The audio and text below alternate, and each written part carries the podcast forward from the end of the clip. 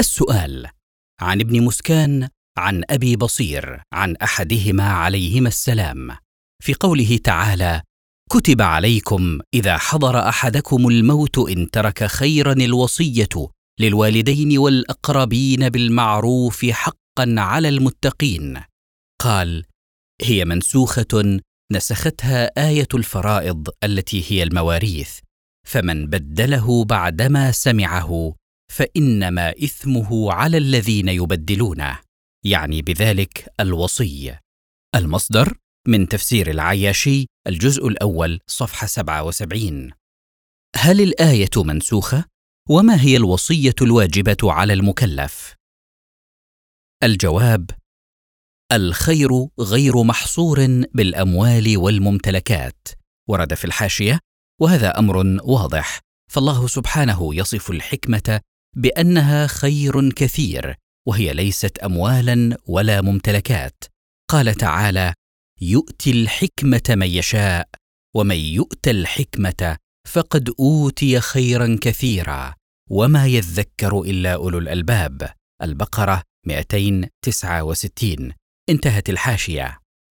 فلو كانت الآية منسوخة لما تعدى النسخ حكمها فيما يخص الأموال والأملاك التي هي موضوع القسمة بين الورثة أي كون الوصية بالأموال والأملاك المادية التي تقسم بين الورثة غير واجبة بعد نزول آيات المواريث أي غير واجبة بالثلثين. ورد في الحاشية بمعنى أن أموال الميت ثلاثة أثلاث ثلثان منها للورثة تقسم بينهم بعد موته وثلث تنفذ فيه وصاياه فقبل نزول آية المواريث كان يجب عليه أن يوصي في ماله كله بحكم الآية كتب عليكم إذا حضر أحدكم الموت. ولكن بعد نزولها نسخ وجوب الوصية بالثلثين أي بالمال الذي يقسم بين الورثة وأما الوصية بالثلث الباقي وكذلك الوصية بتقوى الله ونصرة خليفة الله فباق على حكمه ولم ينسخ بآية المواريث. انتهت الحاشية. أما حكم الآية فيما عدا هذا فهو سار وجار ولا يمكن ادعاء أن آيات المواريث ناسخة له. عن محمد بن مسلم عن أبي جعفر عليه السلام قال سألته عن الوصية للوارث فقال تجوز. قال ثم تلا هذه الآية إن ترك خيرا الوصية للوالدين والأقربين. الكافي الجزء السابع صفحة عشرة. والآية تبين أيضا للمؤمن حال الثلث الذي يحق له أن يوصي به وأنه يجب أن يوصي به أو ببعضه لخليفة الله في أرضه في زمانه كما ورد عنهم عليهم السلام.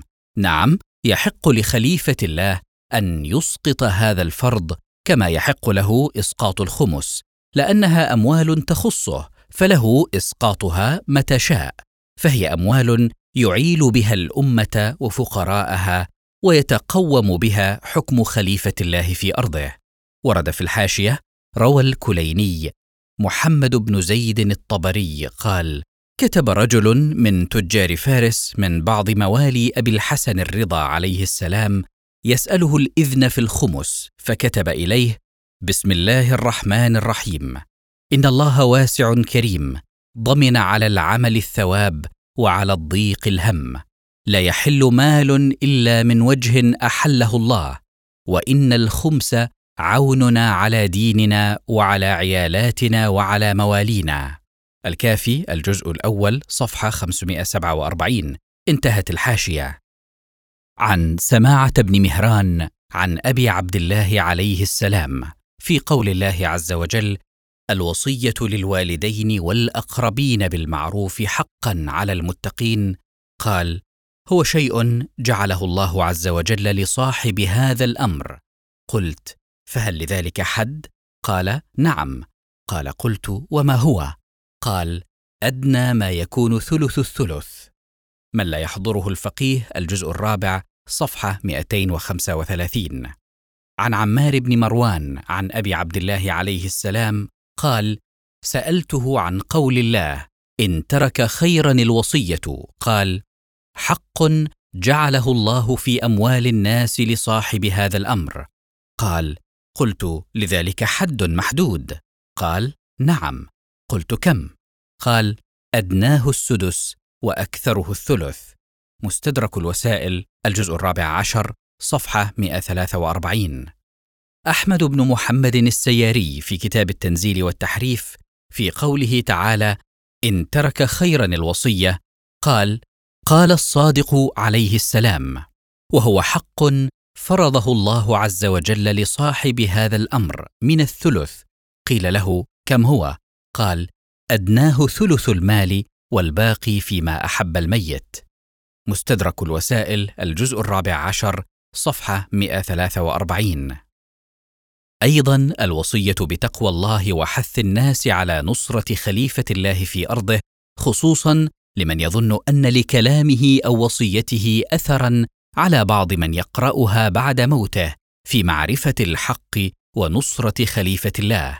فأمير المؤمنين عليه السلام لم يأمر شخصا مقلا أن يترك الوصية بل أمره ألا يتركها ويوصي بتقوى الله. عن أبي عبد الله عن أبيه عن آبائه عن أمير المؤمنين عليه السلام أنه حضره رجل مقل فقال ألا أوصي يا أمير المؤمنين؟ فقال اوص بتقوى الله وأما المال فدعه لورثتك فإنه طفيف يسير. وإنما قال الله عز وجل إن ترك خيرا وأنت لم تترك خيرا توصي فيه. المصدر مستدرك الوسائل الجزء الرابع عشر صفحة 141 أما فيما يخص خليفة الله في أرضه أو رسول الله صلى الله عليه وآله وسلم بالخصوص فواضح أنه يترك خيرا كثيرا وهو منصب خلافة الله في أرضه. ورد في الحاشية إن الإمامة وهداية الخلق خير كثير وفضل إلهي كبير خص الله به سادة خلفائه في أرضه. لذا أصبح الأئمة عليهم السلام موضع حسد الناس. روى الكليني عن بريد العجلي قال سألت أبا جعفر عليه السلام عن قول الله عز وجل أطيعوا الله وأطيعوا الرسول وأولي الأمر منكم. فكان جوابه أم يحسدون الناس على ما آتاهم الله من فضله؟ نحن الناس المحسودون على ما آتانا الله من الإمامة دون خلق الله أجمعين. فقد آتينا آل إبراهيم الكتاب والحكمة وآتيناهم ملكا عظيما. يقول جعلنا منهم الرسل والأنبياء والأئمة فكيف يقرون به في آل إبراهيم عليه السلام وينكرونه في آل محمد صلى الله عليه وآله وسلم؟ الكافي الجزء الأول صفحة 205 انتهت الحاشية. بعد انتقاله إلى الرفيق الأعلى وخليفة الله هو طريق إيصال التكليف للناس فكيف يترك الوصية بمن يخلفه؟ هذا والآية فيها لفظان واضحان في أن الوصية فرض واجب عند حضور الموت. كتب وحقا على فلا يصح أن يعرض عنها صاحب الشريعة لأن الإعراض عنها أمر قبيح. ورد في الحاشية لأن فيه مخالفة صريحة لكتاب الله الناطق بوجوب الوصية عند حضور الموت. إضافة إلى أنه صلى الله عليه وآله وسلم وصف الوصية بأنها كتاب عاصم للأمة من الضلال إلى يوم القيامة وترك بيان كتاب هذا وصفه أمر قبيح بكل تأكيد. انتهت الحاشية. فكيف يعرض محمد صلى الله عليه وآله وسلم عن الوصية عند الموت مع أنه كان لديه الوقت الكافي لكتابتها حتى بعد أن منع من كتابتها على رؤوس الأشهاد يوم الخميس. ورد في الحاشية تقدمت به بعض روايات رزية الخميس من صحيح البخاري ومسلم وكذلك من كتب الشيعة. فراجع. انتهت الحاشية. فهل أعدم رسول الله شاهدين عدلين من الأصحاب مع وجود علي عليه السلام وسلمان وأبي ذر والمقداد وعمار وغيرهم ممن كانوا يؤيدون كتابة الكتاب؟ جاء في الحاشية بلى والله أوصى وأشهد عليها الرهط الصالح. عن سليم بن قيس الهلالي. قال الإمام علي عليه السلام لطلحة ألست قد شهدت رسول الله صلى الله عليه وآله وسلم حين دعا بالكتف ليكتب فيها ما لا تضل الأمة ولا تختلف؟ فقال صاحبك ما قال إن نبي الله يهجر فغضب رسول الله صلى الله عليه وآله وسلم ثم تركها؟ قال بلى قد شهدت ذلك.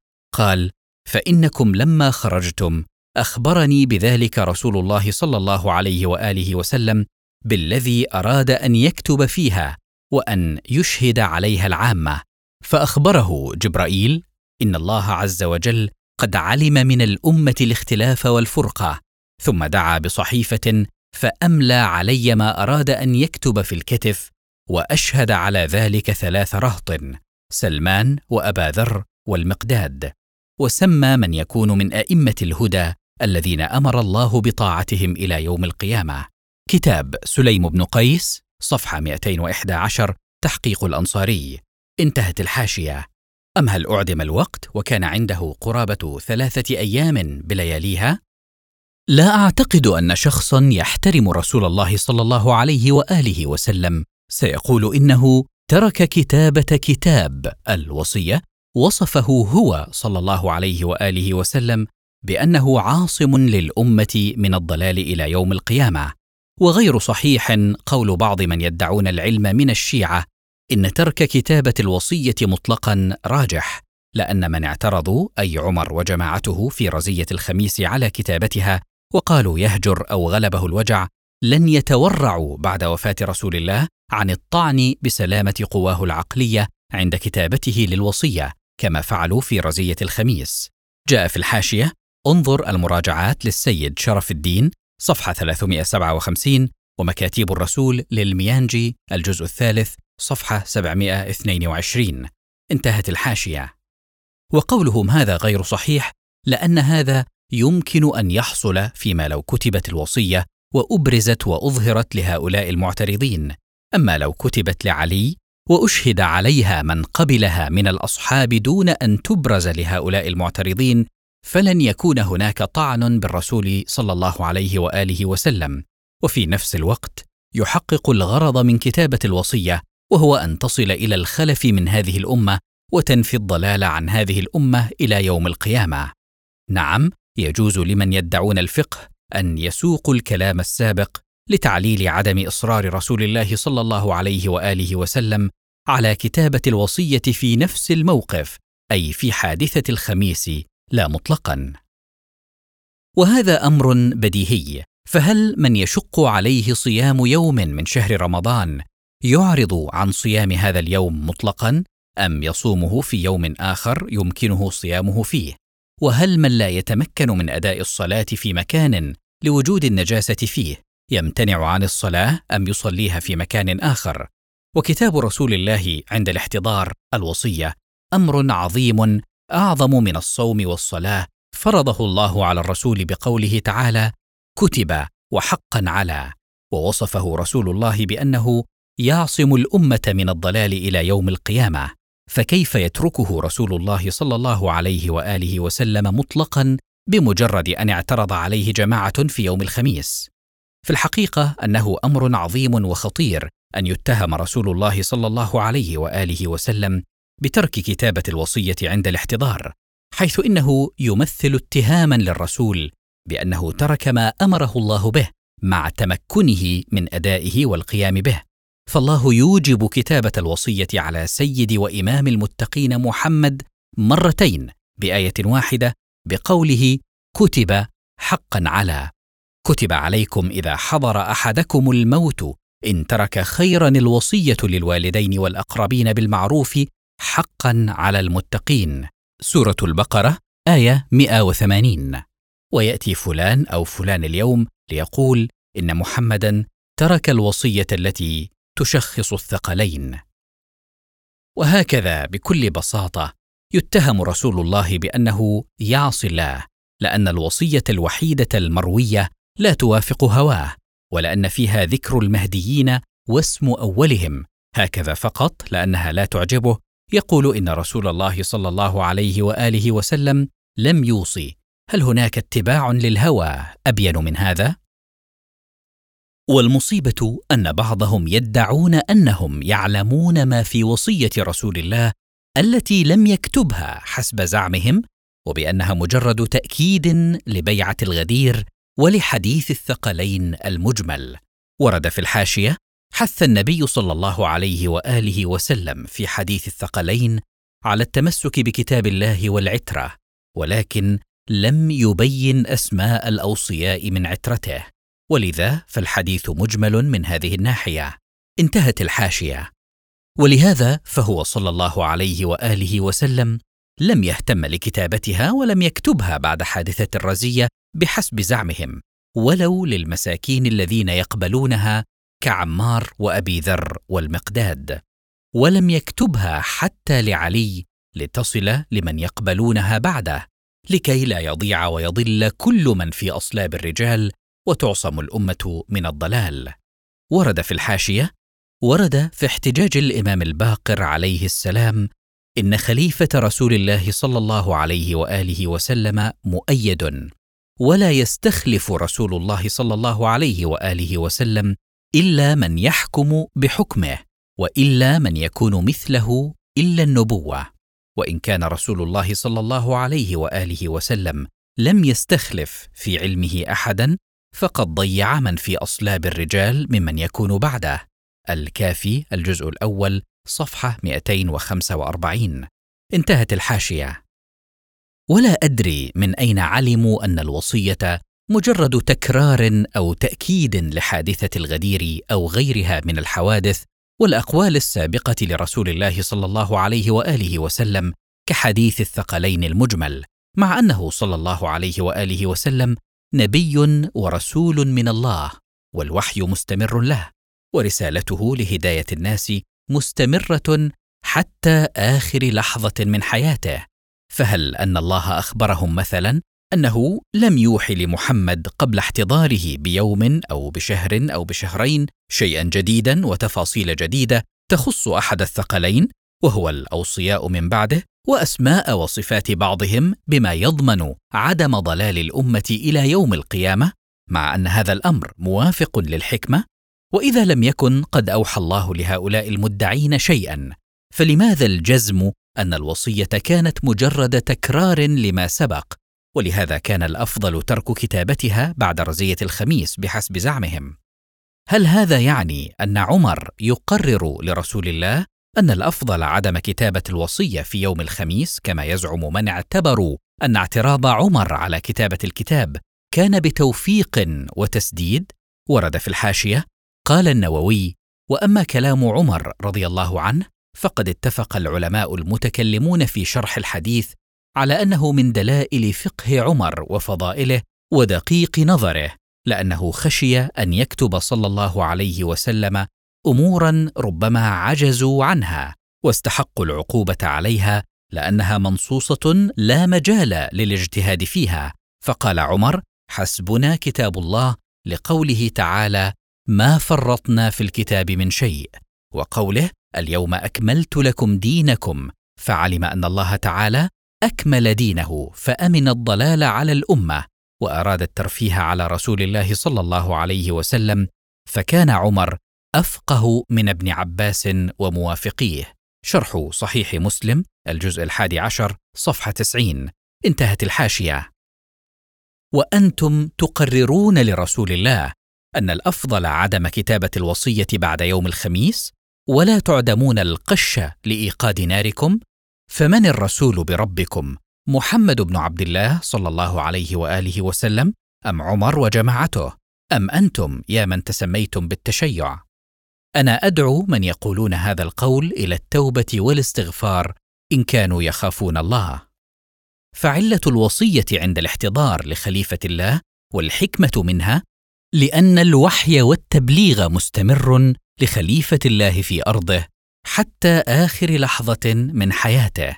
فوصيته تكون بآخر ما يوحى له فيما يخص أمر خليفة أو خلفاء الله من بعده أو أوصيائه.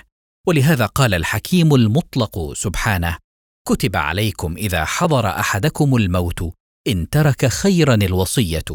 ولم يقل كتب عليكم الوصية فحسب.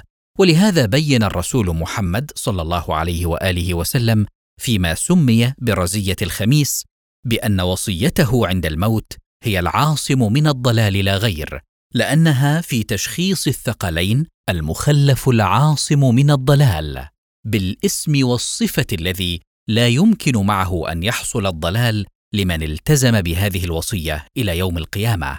وهنا أعيد للتنبيه ولفت الانتباه أن قول الرسول في يوم الرزية كما سماه ابن عباس ائتوني بكتاب أكتب لكم كتابا لن تضلوا بعده ابدا.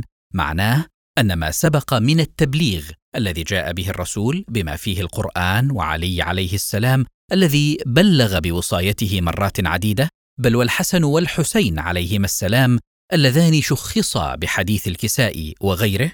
ورد في الحاشية أخرج الحاكم عن إسماعيل بن عبد الله بن جعفر بن أبي طالب عن أبيه قال لما نظر رسول الله صلى الله عليه وآله وسلم إلى الرحمة هابطة قال ادعوا لي ادعوا لي. فقالت صفية من يا رسول الله؟ قال أهل بيتي عليا وفاطمة والحسن والحسين. فجيء بهم فألقى عليهم النبي صلى الله عليه وآله وسلم كساءه ثم رفع يديه ثم قال اللهم هؤلاء آلي فصل على محمد وعلى آل محمد. وأنزل الله عز وجل إنما يريد الله ليذهب عنكم الرجس أهل البيت ويطهركم تطهيرا. هذا حديث صحيح الإسناد ولم يخرجاه. المستدرك الجزء الثالث صفحة 147 انتهت الحاشية. لا يعصم الأمة من الضلال إلى يوم القيامة بل الذي يعصم الأمة من الضلال هو هذا التشخيص الدقيق للثقلين الذي أوحي لرسول الله صلى الله عليه وآله وسلم وأمره الله بتبليغه للناس بوصيته المباركة عند الاحتضار وفي ختام حياته ورسالته المباركة. في الختام لدينا آية توجب كتابة الوصية عند الاحتضار وبكلمتين دالتين على الوجوب. كتب وحقا على قال تعالى كتب عليكم إذا حضر أحدكم الموت إن ترك خيرا الوصية للوالدين والأقربين بالمعروف حقا على المتقين. سورة البقرة آية 180 فمن ينكر كتابة الوصية يتهم الرسول بالمعصية. ولدينا روايات تدل على كتابة الوصية أو هم الرسول بكتابة الوصية عند الاحتضار كرزية الخميس المروية في البخاري وما رواه سليم بن قيس في كتابه. ورد في الحاشية وللمزيد انظر ملحق رقم واحد. انتهت الحاشية. ولدينا روايات موافقة لمحتوى الوصية وهي روايات المهديين الاثني عشر وهي موجودة في كتب الأنصار ويمكن الرجوع إلى مصادرها عند الشيعة والسنة. ورد في الحاشية انظر الملحق رقم اثنان. انتهت الحاشية. وأيضا ما رواه الطوسي عنهم عليهم السلام في ان اسم المهدي أحمد وعبد الله والمهدي. ورد في الحاشية روى الطوسي عن حذيفة قال سمعت رسول الله صلى الله عليه وآله وسلم وذكر المهدي فقال إنه يبايع بين الركن والمقام اسمه أحمد وعبد الله والمهدي فهذه أسماؤه ثلاثتها. الغيبة صفحة 454 وللمزيد انظر ملحق رقم ثلاثة. انتهت الحاشية. وما رواه السنة من أن اسم المهدي يواطئ اسم النبي. ورد في الحاشية أخرج أحمد عن زر بن حبيش عن عبد الله قال قال رسول الله صلى الله عليه وسلم لا تنقضي الأيام ولا يذهب الدهر حتى يملك العرب رجل من أهل بيتي. اسمه يواطئ اسمي. مسند أحمد الجزء الأول صفحة 377 انتهت الحاشية. أي أحمد كما ورد في الوصية. ولدينا نص الوصية المكتوبة عند الاحتضار وهي مروية في غيبة الطوسي. ورد في الحاشية الغيبة صفحة 150 حديث 111 انتهت الحاشية. ولا يوجد لدينا معارض لنص الوصية وكل إشكال أتوا به لرد الوصية. تم رده وبيان بطلانه. فكيف يمكن بعد كل هذا لعاقل أن يرد الوصية؟ وكيف لمن يخاف الآخرة أن يرد الوصية؟ وكيف لمن يتقي الله أن يرد الوصية؟